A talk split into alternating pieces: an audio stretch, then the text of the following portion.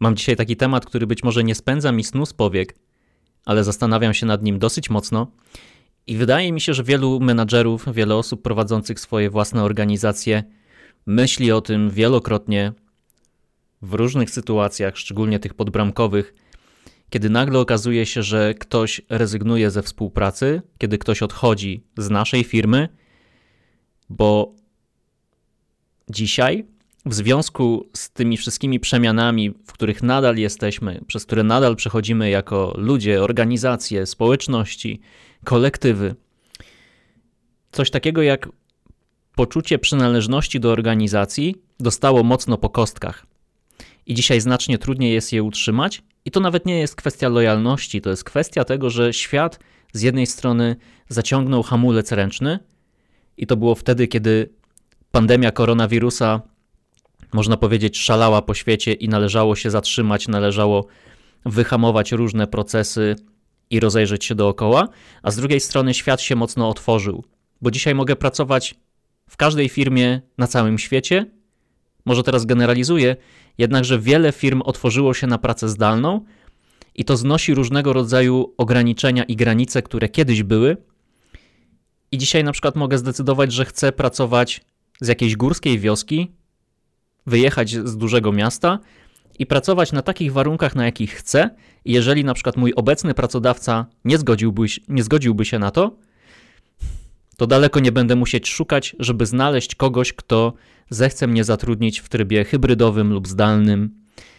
I to, o czym mówię, sprawia, że teraz jesteśmy w czasie wielkiego eksodusu ludzi pomiędzy firmami, takiej migracji, bo to poczucie przynależności przestało wiązać się z miejscem, jeżeli w tym czasie, kiedy byliśmy w danej organizacji, zdążyliśmy wypracować sobie relacje, zbudować relacje z innymi ludźmi z tej firmy, to jeszcze to może być tym klejem, który będzie nas spajać. Ale jeżeli nie mieliśmy takiej okazji, to niewiele rzeczy nas zatrzyma w jednej firmie e, przed tym, żeby migrować do innej, szczególnie jeżeli na co dzień borykamy się z takimi cichymi zabójcami zaangażowania, o których dzisiaj Wam powiem. Jeżeli borykamy się z tymi zabójcami zaangażowania, to będę mieć dużo większą motywację do tego, żeby poszukać sobie innego miejsca, w którym być może tego nie będzie, bo nie będę czuł tej przynależności do miejsca pracy, nie będę mieć tych relacji, które zbudowałbym z ludźmi w biurze, więc jedyne, czego będę potrzebować od mojego obecnego pracodawcy, teraz mocno upraszczam, ale tylko po to, żeby to świadomie zhiperbolizować, to jedyne, czego będę potrzebować, to możliwości wykonywania mojej pracy na takim poziomie, żebym był usatysfakcjonowany i w taki sposób, żebym czuł się ok w tym miejscu, w którym jestem, żebym miał poczucie bezpieczeństwa psychicznego, że firma, w której jestem, mnie wspiera w tym, co robię i mój management też. I dzisiaj te rzeczy, o których będę mówić, to zachęcam i rekomenduję pozbycie się ich w duchu esencjonalizmu. Trochę tak jak w kontekście bezwartościowej komunikacji, kiedy mówiłem o zwrotach i sformułowaniach, które nic nie wnoszą do naszej e, codziennej współpracy, a tylko przeszkadzają. I tutaj jest dokładnie tak samo. I tutaj dokładnie też będzie działał ten sam mechanizm takiego szoku. Szoku związanego z tym, że jeżeli mamy się tego pozbyć, to może być to dla nas trudne, bo byliśmy tak bardzo przyzwyczajeni do istnienia tych cichych zabójców zaangażowania, że pozbycie się ich będzie niczym wydarcie sobie kawałka duszy albo odcięcie małego palca.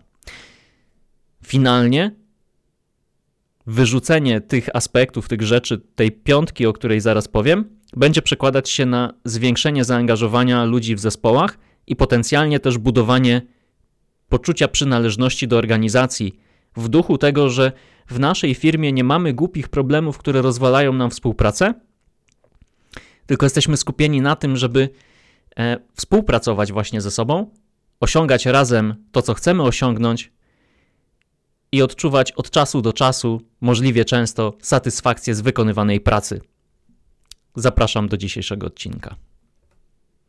Na początku rozprawmy się z meblami, których żadna firma nie potrzebuje. I są nimi dywany, pod które zamiata się problemy, czyli wszystkie te sytuacje, w których jest jakaś trudna kwestia i ja jako pracownik nie potrafię sobie z nią poradzić, idę do managementu, do kogoś, kto w matrycy eskalacji jest odpowiednio wyżej ode mnie, komunikuję ten problem i z nim nic się nie dzieje. Ja nie mam wsparcia, problem pozostaje nierozwiązany, u mnie rodzi to frustrację i obawy o jutro, a jeżeli jeszcze mam tak, że e, biorę odpowiedzialność za to, co robię i nie radzę sobie z daną sytuacją, to to dewastuje mnie na poziomie emocjonalnym. I najlepszą rzeczą, jaką firma może zrobić, oczywiście robię sobie jaja, to udawać, że nic się nie dzieje. I to jest właśnie zamiatanie problemów pod dywan, które wielokrotnie będzie prowadzić do tego, że ludzie stracą poczucie bezpieczeństwa psychicznego w organizacji. To wpłynie negatywnie na ich efektywność, wydajność, no i zaangażowanie, o którym dzisiaj rozmawiamy. I prędzej niż później przełoży się na odejście człowieka z organizacji, bo ta osoba nie będzie mieć poczucia, że firma wspiera, że mój lider, mój menedżer, mój przełożony, nazwijcie tę rolę jak chcecie, jest ze mną w tym problemie. I nie chodzi o to, żeby rozwiązywać problemy e, za ludzi i ich w tym wyręczać.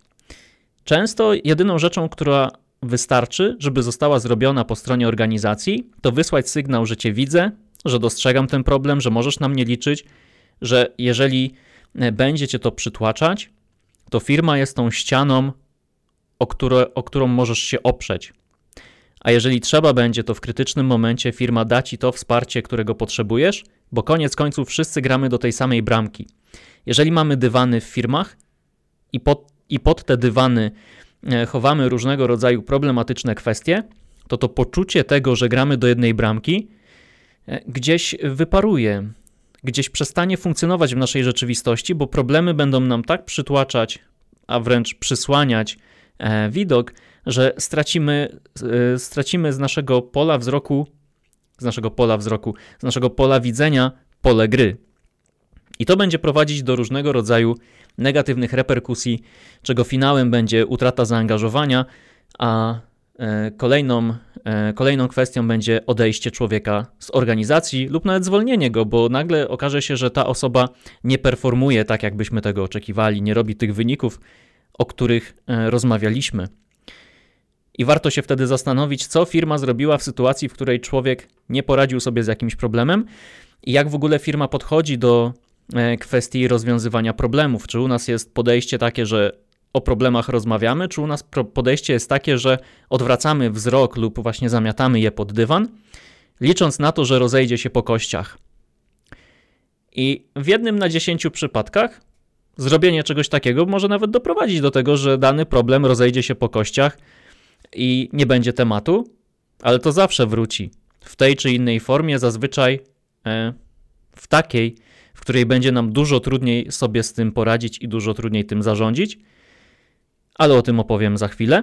To był pierwszy mebel, czyli dywany, pod które zamiatamy problemy. Drugi mebel to e, szafy, w których trzymamy trupy. Czyli wszystkie te tematy tabu, lub nierozwiązane kwestie z przeszłości, których nie mieliśmy odwagi wyrzucić z naszej biznesowej e, rzeczywistości, rozwiązać na tyle, żeby już do tego nie wracać, żeby uczynić z tego temat, o którym już nikt nie rozmawia, ale nie dlatego, że ludzie nie mają odwagi, żeby o tym rozmawiać, tylko już nie widzą potrzeby, bo temat został załatwiony, został rozwiązany i nie ma do czego wracać. A trzymanie takich trupów w szafie będzie powodować to, że ludzie od czasu do czasu będą rozmawiać o tym na korytarzach i być może nawet będą szukać różnego rodzaju potwierdzeń albo e, będą szukać potwierdzenia swoich założeń, przekonań, właśnie patrząc przez pryzmat tych nierozwiązanych sytuacji, od czasu do czasu zaglądając do szafy, bo na przykład wypowiadając jakieś niemile widziane słowa w towarzystwie danej osoby, coś to będzie powodować w całej organizacji i ludzie będą chodzić trochę w strachu, że przy tej osobie lepiej nie podejmować takiego i takiego tematu, bo może się to źle skończyć. Znowu, bezpieczeństwo psychiczne będzie tutaj narażone na szwank, a jeżeli ludzie nie czują się bezpiecznie w organizacjach, to nie będą nigdy zaangażowani w to, co robi ta firma. No bo po co mam się angażować w działania organizacji, która raczej przyprawia mnie o dreszcze, o zimne dreszcze, niż buduje moje poczucie bezpieczeństwa psychicznego. Pozbądźmy się mebli, dywanów, pod które zamiatamy problemy, oraz szaf, w których trzymamy jakieś trupy. Jedną z najgorszych rzeczy, jakie możemy robić w organizacjach, to odraczać w czasie komunikację złych wiadomości do zespołu, do ludzi dookoła nas. Bo jeżeli będziemy zwlekać z powiedzeniem o tym, że mamy jakiś problem i będziemy to kultywować wręcz, to problemy wraz z upływem czasu wykładniczo stają się coraz większe, przez co coraz trudniej jest nimi zarządzać, co finalnie prowadzi do tego, że jak już to szambo wybuchnie na tyle, że będzie trzeba coś z tym zrobić, to może się okazać, że nie ma już kogo ratować, albo że już jest po temacie. Klient już tak nabrał, nabrał w sobie tak wiele złej krwi, projekt jest w tak krytycznym i złym momencie, że w sumie możemy się pakować albo przygotowywać różnego rodzaju e, dowody i teczki, bo szykujemy się na batalię sądową z klientem. Tutaj oczywiście znowu, e, że tak powiem, bardzo mocno hiperbolizuję tę sytuację. Niemniej e, jest jedno powiedzenie, z którym bardzo wewnętrznie się zgadzam i do którego Was zachęcam. To złe wiadomości powiedziane odpowiednio wcześnie to dobre wiadomości i za nie należy dziękować. Dlatego budowanie znowu takiego bezpieczeństwa psychicznego i komunikowanie ludziom tego, że złe wiadomości mogą być też dobrymi, mogą tak zostać odebrane, bo zła wiadomość powiedziana na wczesnym etapie problemu będzie małym problemem. Małym problemem dużo łatwiej jest zarządzić niż dużym. To prosta, e, prosta logika, która powoduje to, że e, rozwiązywanie problemów jest dużo łatwiejsze na początkowym etapie niż na końcowym, kiedy problem już jest złożony, kiedy zaangażowany w niego jest e, każdy członek e, zespołu, kiedy poziom skomplikowania całej sytuacji może nas przerastać. I nie raz i nie dwa zdarzyło mi się, że e, o danych kwestiach rozmawialiśmy za późno, przez co musieliśmy robić damage control, czyli starać się gimnastykować, robić różnego rodzaju szpagaty, żeby wyjść z danej sytuacji z twarzą, a można było tego uniknąć, gdybyśmy się zajęli tym wcześniej. I nie zrozumcie mnie źle. Nie mam tutaj pretensji do osób, które, e, które przychodziły względnie późno z daną kwestią, z którą powinniśmy sobie poradzić. To wszystko, albo może w 50% przynajmniej, jest po stronie organizacji. Jeżeli organizacja tworzy wokół siebie otwartą kulturę dealowania z problemami, rozmawiania o problemach, to ludziom będzie dużo łatwiej mówić o tych złych rzeczach jeżeli będziemy ze sobą szczerzy i wiedzieli, że z jednej strony mamy zawsze jakieś fajne sytuacje w projekcie, a z drugiej strony możemy mieć też problemy w projekcie i to jest tak samo normalne jak dzień i noc. Niestety niekiedy organizacje zafałszowują ten obraz, wmawiając sobie, że u nas wszystko jest w porządku. A często jest tak, że jeżeli nie mamy problemów, które moglibyśmy rozwiązać, to być może ludzie są nastawieni na to, że nie chcą rozmawiać o problemach, bo z jakichś powodów jest to niemile widziane, i wtedy brak rozmawiania o problemach staje się problemem i prowadzi do tego, że małe problemy na początku, które nie są zaadresowane, stają się tymi dużymi problemami, które rozwalają nam całą współpracę, mogą wpłynąć negatywnie na projekt i czasami prowadzą do tak trudnych sytuacji, że kogoś należy zwolnić, że jakiś projekt należy ubić, a z jakimś klientem należy się po prostu jak najszybciej pożegnać, bo atmosfera już jest tak toksyczna, a wystarczyło o złych wiadomościach powiedzieć odpowiednio wcześniej, bo złe wiadomości mówione odpowiednio wcześnie, przekazywane, to dobre wiadomości.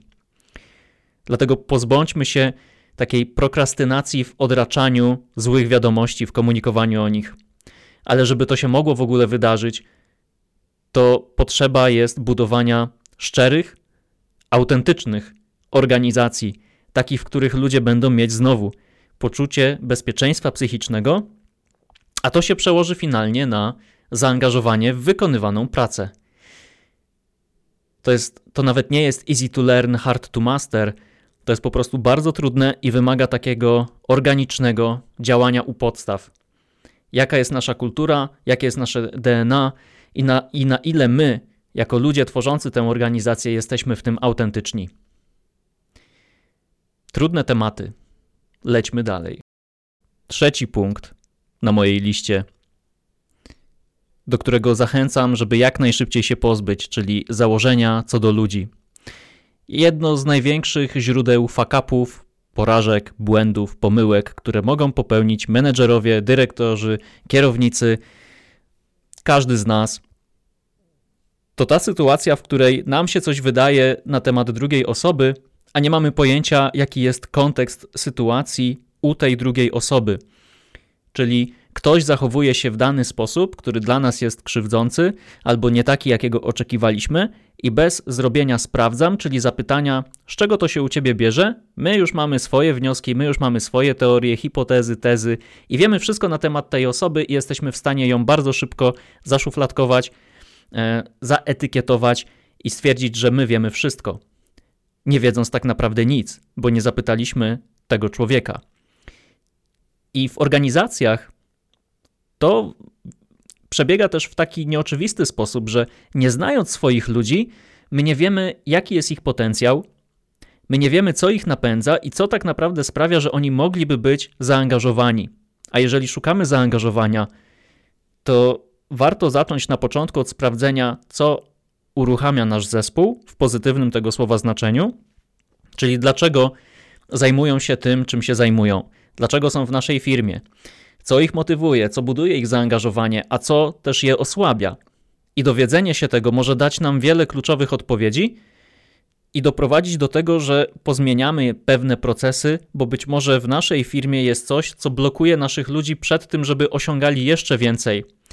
Ale jeżeli my wejdziemy w tę rolę wszystko wiedzących, taką e, postawę ex katedra, czyli z tej katedry, z tej ambony, my, my widzimy wszystko i wiemy wszystko, i jesteśmy najmądrzejszymi osobami w pokoju i doskonale już zrobiliśmy psychoanalizę naszych e, ludzi, to to jest też pułapka, z której warto wyjść.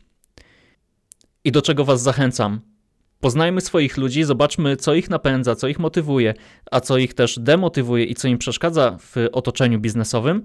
I to będzie jeden z pierwszych kroków do tego, żeby budować zaangażowanie, i to będzie jeden z tych kolejnych kroków, w których pozbywamy się tego czegoś, co nas może blokować, a w tym przypadku, jak o tym myślę, kiedy, e, kiedy się z Wami dzielę e, tymi, tymi spostrzeżeniami, to to jest coś, co może nas prowadzić w ogóle w niewłaściwe rejony, bo nam się coś będzie zawsze wydawać na temat naszych ludzi. Będziemy mieć ich jakiś obraz, szczególnie negatywny w tych sytuacjach, w których czegoś nie dowieźli tak, jak my byśmy tego oczekiwali, i łapiemy się wtedy za głowę, e, wpadamy w takie dramaty i stygmatyzujemy te osoby, mówiąc, że ten człowiek to zawsze tak robi, ta osoba to już się na niej poznałem lub na nim i wiem o tym człowieku wszystko. I to jest człowiek, który się na pewno nie nadaje do tej roboty, bo to, tamto i owamto. Tylko pytanie, czy chociaż raz zdarzyło nam się porozmawiać z tą osobą na temat sposobu, w jaki ona pracuje? Kiedyś byłem na takim spotkaniu jeden na jeden i zapytałem człowieka, jak ty w ogóle chcesz pracować. Ta osoba złapała się za głowę i zanim mi odpowiedziała, podzieliła się taką refleksją, że nikt nigdy w życiu nie zapytał e, jej o to, jak ja chcę pracować, żeby osiągać jak najwięcej. Czego potrzebuję do efektywnej współpracy? Jakie chcę zasady pomiędzy nami, żeby panowały, żebyśmy oboje się dobrze z tym czuli? Jako menedżerowie, jako dyrektorzy, osoby tworzący organizację, mówię to też do wszystkich innych ludzi, którzy są w firmach, Zachęcam Was do tego, żebyśmy przychodzili na spotkania ze sobą i do współpracy ze sobą raczej z pytaniami niż z odpowiedziami, czy też z założeniami. Pozbądźmy się kolejnego balastu, który może osłabiać zaangażowanie lub nawet prowadzić na różnego rodzaju mielizny. Mielizny, o których nawet nie wiemy, a na które łatwo jest nam wpłynąć, bo łatwo nam jest przyjąć pewne założenie, bo jest ono skrótem myślowym, bo oszczędza ono tej energii, którą musimy wydatkować na to, żeby kogoś zapytać, jak ty masz, czego potrzebujesz, co cię napędza, jak chcesz pracować, żebyśmy mogli osiągnąć to, co chcemy osiągnąć. Czwarta rzecz na mojej liście, czyli blame culture, kultura błędów, przez którą rozumiem te wszystkie sytuacje, w których coś poszło nie tak i rozpalamy stosy. Rozpalamy je po to, żeby kogoś na tym stosie umieścić, napiętnować i doprowadzić do tego, żeby wszyscy wiedzieli, dlaczego nam nie wyszło i przez kogo. I jak najbardziej warto wiedzieć, dlaczego nam coś nie wyszło, bo na popełnionych błędach możemy się uczyć. I jeżeli chcemy budować silne organizacje, które patrzą w przyszłość, to popełnianie błędów jest drogą do tej przyszłości. Ale przebywanie zbyt długo w obszarze tego błędu, błąd już się wydarzył, to już minęło. Dopilnujmy do tego, żeby sytuacja, która wyniknęła w związku z tą pomyłką, nie eskalowała dalej. Doprowadźmy do tego, żeby o wszystko zadbać, podopinać tematy i sprawić, że możemy e, dalej skupiać się na rozwijaniu naszej współpracy. Następnie błędy są czymś, co jest dla nas swego rodzaju lekcją. Porażki, jeżeli wyciągamy z nich wnioski i doprowadzają nas do refleksji, to jest coś, czego bardzo potrzebujemy w organizacjach. I, I tak samo jak w przypadku złych wiadomości mówionych odpowiednio wcześnie, tak samo w przypadku popełnianiu błędów to jest ok, bo nie myli się ten, kto nic nie robi. Stara ludowa prawda jak najbardziej jest trafna też w biznesie. Niestety zdarza się tak, że w firmie jest takie skupienie nad tym, żeby e, nie przyjąć w ogóle do własnej świadomości tego, że popełniliśmy błędy, bo zakorzenione w nas jest to, że każda pomyłka, którą nam się przypisze, deprymuje nas i deprecjonuje, czyli może osłabić nasz wizerunek. A dzisiaj dla ludzi wizerunek jest bardzo ważny. Niestety zapomina się o tym, że umiejętność przyznania się do błędu jest bardzo użyteczną, przydatną i długofalową kompetencją, bo to pokazuje, że jesteśmy ludźmi, że nasze ego to my nim sterujemy, a nie odwrotnie. No bo skoro potrafimy przyznać się do tego, że coś nam nie wyszło, to znaczy, że mamy swego rodzaju pokorę w sobie. A pokora to jest taka umiejętność do ciągłej kalibracji. Czyli kiedy coś popsułem, to przyznaję się do tego, że coś popsułem. Nie zafałszowuję znowu rzeczywistości, że to nie moja wina, że nie ja tego robiłem, albo że samo się zrobiło. Biorę to na klatę, bo wiem, że to znaczy, jeżeli jestem w takim środowisku, że to wiem. W środowisku, w którym mogę uczyć się na swoich błędach, to wiem, że to jest dla mnie świetna okazja do tego, żeby wyciągnąć wnioski, żeby mieć refleksję na dany temat i w przyszłości uniknąć tej sytuacji lub nawet osiągnąć jeszcze więcej, bo już wiem, czego nie robić. Ostatnia rzecz. Prawdopodobnie najbardziej oczywista, ale z jakichś powodów nadal mocno zakorzeniona w wielu organizacjach i sam też na to cierpiałem. Kiedyś na jednym spotkaniu, a w zasadzie po tym spotkaniu, dostałem informację zwrotną, o którą, o którą nie prosiłem, ale za którą byłem niezmiernie wdzięczny. Poproszono mnie o to, żebym nie był aż tak bardzo dyrektywny i dawał ludziom więcej przestrzeni, bo przecież ja nie będę robił tego, po co się spotkaliśmy. Jedyne co miałem powiedzieć, co jest do zrobienia, a nie pokazywać palcem, jak to zrobić. I od tamtej pory zacząłem sam siebie mocniej obserwować, na ile ten mikromanagement, bo o nim mowa, e, jest mocno zakorzeniony w moim stylu współpracy z ludźmi w organizacjach. I za każdym razem, jak spotykam się z kimś, z daną grupą, z danym zespołem, zastanawiam się nad sobą pod kątem tego, na ile w tej chwili mikro zarządzam i co powinienem zrobić, żeby dawać ludziom jak najwięcej przestrzeni. Bo wychodzę z takiego założenia, Niby zawsze z niego wychodziłem, ale nie zawsze było to e, przełożone w praktyce. Wychodzę z takiego założenia, że ludzie sami wykminią, jak powinni robić swoją robotę. Jedyne, czego potrzebują, to wiedzieć, co jest do zrobienia, po czym poznamy, że jest to zrobione oraz jakie są standardy naszej pracy, jakie są zasady naszej współpracy. I jeżeli zadbamy o te trzy kwestie i mocno zakontraktujemy współpracę, czyli czego potrzebujemy od siebie nawzajem, czego chcemy unikać, jakie są e, wymagania, jakich efektów chcemy się spodziewać, jakie cele chcemy realizować i damy ludziom możliwość robienia tego, to jest to najlepsza droga do osiągnięcia zaangażowania, sukcesu we współpracy i wszystkiego tego, czego potrzebujemy. Szczególnie, że znowu, jeżeli pracujecie w modelu hybrydowym albo remote, czyli praca zdalna, to mikrozarządzanie dzisiaj już w ogóle nie ma racji bytu. No bo nie będziemy w stanie wskazać palcem człowiekowi, co ma w danej chwili robić, bo nie jest to fizycznie możliwe. Już nie jesteśmy w biurze.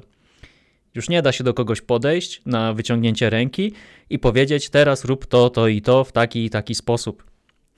To znaczy, jeśli się bardzo uprzemy, no to znajdzie się rozwiązanie również na tego typu kwestie, ale będzie to tak bardzo obciążające pod każdym możliwym względem, że sami rozumiecie. Mikromanagement coś, czego nadal się uczymy, żeby z tego rezygnować. Wszyscy wiemy, że to nikomu do niczego nie pomaga, a z jakiejś przyczyny jest tak mocno w nas, tak bardzo tego potrzebujemy, żeby mieć to poczucie kontroli. I to jest jeden z takich plusów, które wiążą się z obecną sytuacją na świecie. Jesteśmy zmuszeni do tego, żeby dać ludziom swobodną rękę, wolną drogę do tego, żeby mogli realizować swoje cele tak, jak chcą, w taki sposób, w jaki sobie obmyślili. A jeżeli tego nie zrobimy, jeżeli będziemy twardo się trzymać swoich starych zasad, no to mamy tutaj tą kwestię, którą poruszałem na samym początku, czyli utrata poczucia przynależności i ludzie poszukają sobie innego miejsca, w którym ktoś będzie nimi dużo mniej mikrozarządzał albo w ogóle tego nie będzie. Do dzisiaj mam w głowie cytat z jednego spotkania, w którym obsługiwałem pewien proces i tam wszystko mieliśmy poukładane, wszystko szło do przodu. W pewnym momencie, z nieznanych mi przyczyn, w całym procesie objawił się człowiek, który zlecił ten proces i powiedział do nas coś takiego: Słuchajcie, od teraz będę mikrozarządzać. No i zaczęło się oczywiście mikrozarządzanie na zasadzie tu róbcie tak, tu róbcie siak. Nasza motywacja spadała do działania diametralnie. Finalnie wszystko się przesunęło w czasie. No i gdybym miał zbadać e, satysfakcję z wykonywanej pracy w tamtym czasie, to byłaby ona na bardzo niskim poziomie. Dlatego wniosek jest jeden. Im mniej mikromanagementu, tym ludzie są zdrowsi. Dlatego pozbądźmy się go i zobaczmy, że ludzie potrafią być samodzielni, potrafią być zaangażowani wtedy, kiedy stwarzamy im do tego warunki.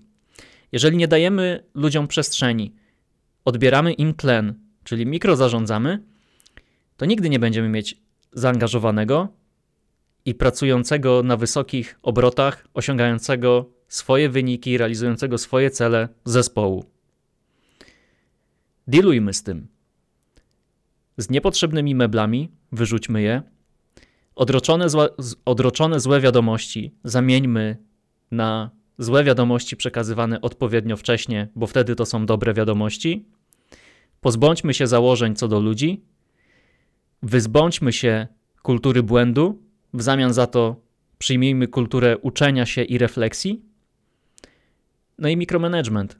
Im go mniej, tym jesteśmy zdrowsi. Dzięki za dzisiaj. Życzę Wam wszystkiego dobrego. Do następnego. Cześć.